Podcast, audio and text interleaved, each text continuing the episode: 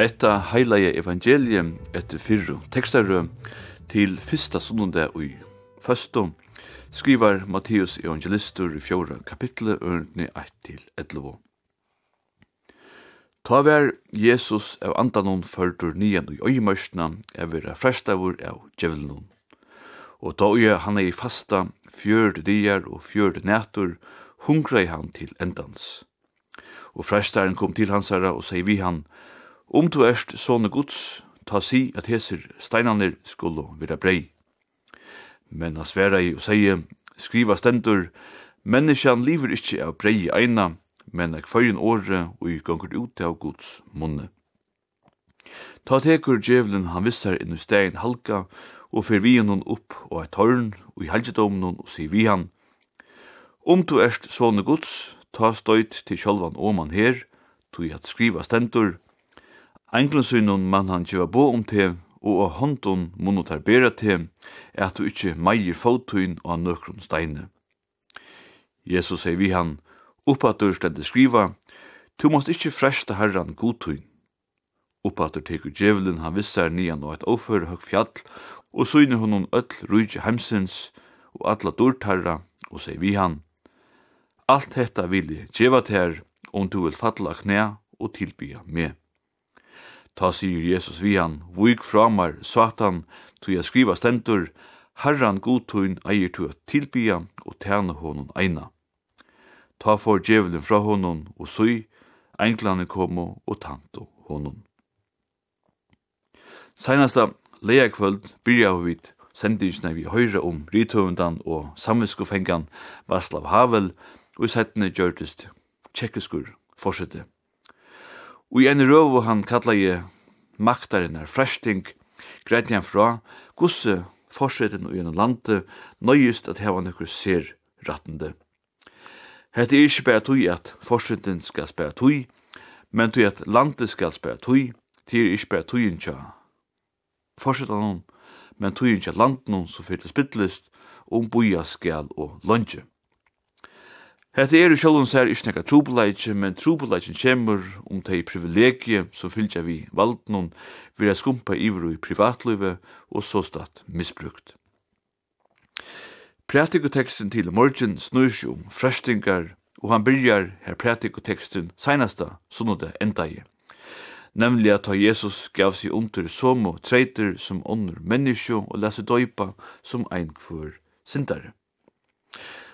Frasøknen om at Jesus verður frestaur av djevelen i øymørsene finner vi ikkje bæra tja Matteus, men eisen tja Markus og Lukas. Og i mån til hinaboar evangelistanar skriva Markus at djevelen ikkje bæra frestar Jesus trutja fyrir, men at Jesus vær i øymørsene i fjøre dier, og hesa tugina vær han frestaur. Frestingen varte i fjøre dier. Prædikotekstene i første er om tekster og snikva seg om rensan, sottarger og fyre reiking. Og i hesson tekstnun er det altså djevelen og kjemur til Jesus. Hvordan hetta skal heva seg ut, kunne vi neivan og okkun. Tøy neivan hever hetta vere eit kjepelse vi hotnun og langun hella. Nei, ønskapren er helst meira sofistikeravur enn så og hetta vi tui ønda hefur volt mongun høvbrudj gjøkken tuinar. Tui hví skal til vera til om god er til. Hetta er tega som vi enn fynan åre verur kalla teodise trubeleitjen og god frøyne.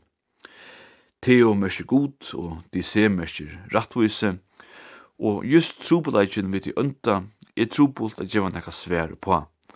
Men målslia kunne vi sia at or djevel stavar fra til griska diabolos, og i ein slætrar, bæktalar etla lujur. Tøy kunne vi sia at som så ber ikkje til at sikva djevelen tøy at sikva liknande er jo ansøkn. A svære på henta fløkta spurning kunne vi helst finna tja tøy danska prestnun og heimspekingsnun løkstrup, som sier at grunnleggjande er menneskjan skapt som en gaur skapningur. Menneskja er godt. Allar spontana gerir tja en menneskja er gauar, til dømes, suttja vid eit baden som er dotter Sjekv, er nok det fyrsta som okkur renner i ho, vi kunne hjelpa tøy. Skuld vid vere så mykje lute er at okkur komen er vid søtta nei, vi tøy mykje er hjelpa, tøy okkur ikkje damar tei etla okkon tøylukt, så hei at hette ikkje vere ein spontanur gjerningur, altså ikkje ein aksjon, men reaksjon, som Løgstrup sier. Under gjerningar heva altså oftast enn orsøk, eller kanskje enn fragreng.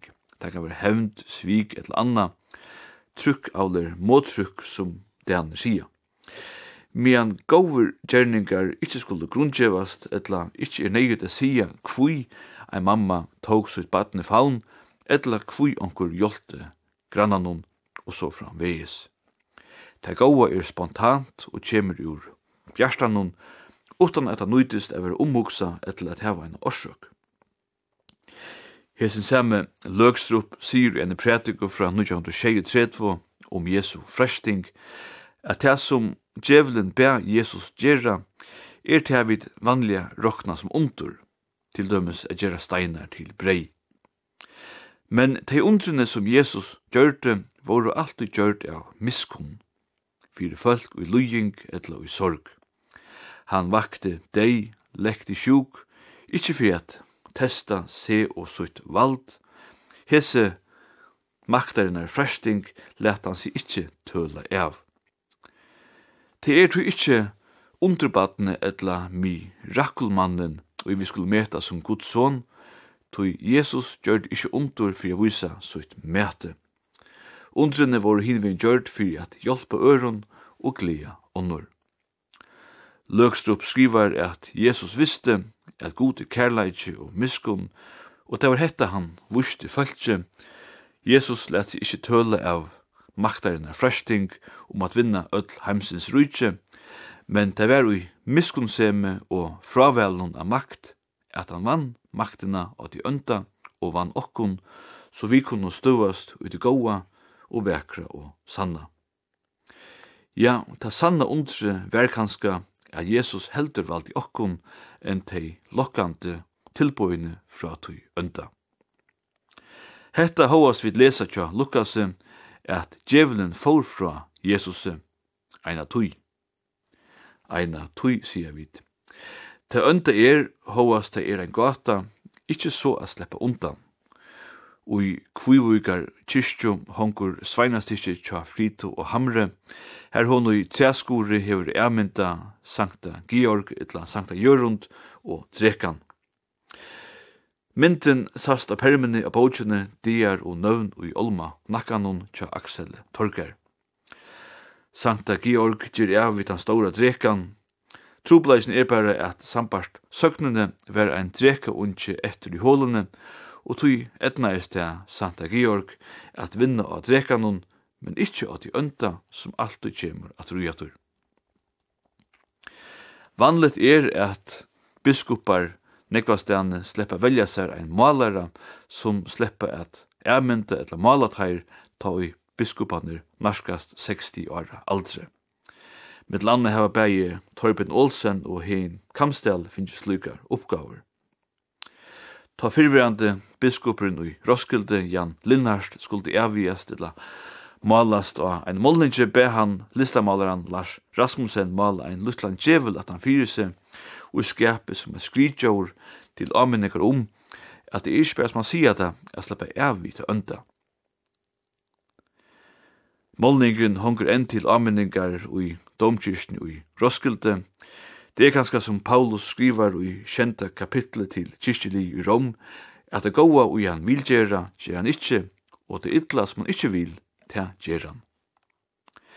Jan Linnarst, biskopur Sale, skriva i eina ørgrunne av bokun, ikkje minst om Luther, som han granska i Gjødla. Og i avsøvni om Martin Luther, mittlen Djevul og God, skriver Linnarst, at ui samtøyne tja Lutheren ver enn ein farre av tøy duldarfullu Patrik ur myöldne etter ui gjerandstenen tja fölkje. Mittel anna kan det undra okkun hvem lot Patrikven hever haft. Mittel anna sigst er at Luther ripaje blekkhuset etter djevlunum ta han sett av Varsburg, slottnum og omsette Nudja testamentet. Blekk bletteren sast enn Hóast han man vera malaver attur flere for sjujende, tog fyrre folk hava som vera mann rønt at okna sær a sindir av hesson søvelige blette. Men tøy tøyne kunde djevelen vera rokna over meira og tøtjeligur enn vi kunne umynda okkun i det, og Linnarst skrivar i boksøyne at ta ui Luther ut i kjenta solmenon var god i først og halga og borg iskir om veröld ut djevelen ui, som okkun vilde tøyna, vid øttast onga vanta tøy, tar sjolver skulle dvina, så skal het ikkje skilja som myndatela, men ein realistiskur ötte. Djevelen vær verlia som ein utøkjelig vera. Ja, så tar taverante katolsko mostumennir tja Lutherre, og sinne vilde vera vi, at hin vesti sjálfur skuldi hava gite mamma Luther og at Martin Luther såstat sjálfur skuldi vera ein holvur djevel vis ikkje bæra hvordan hemsmynden og Patrick kunde visa seg fyrir 500 år sujane, men eisning hvordan ouitøkjeligur, eller ouitøkjelit til anda kunde vera, at det er ikkje til a styra, og ikkje bæra er ein lytel fyrur vi hotnun og longun hella men kan sitta split den folk, utan at det kanskje djeva seg fær om det. Men her er det ikkje å leta seg fresta, men lurte etter tog spontana, du goa, som hos alt kjemur fra honom, og i kvørs mynd vid er og skapa. Vid enda i kvöld vi enn og kjent solme som av føreskon virur kallavur var god i føst og halg og borg.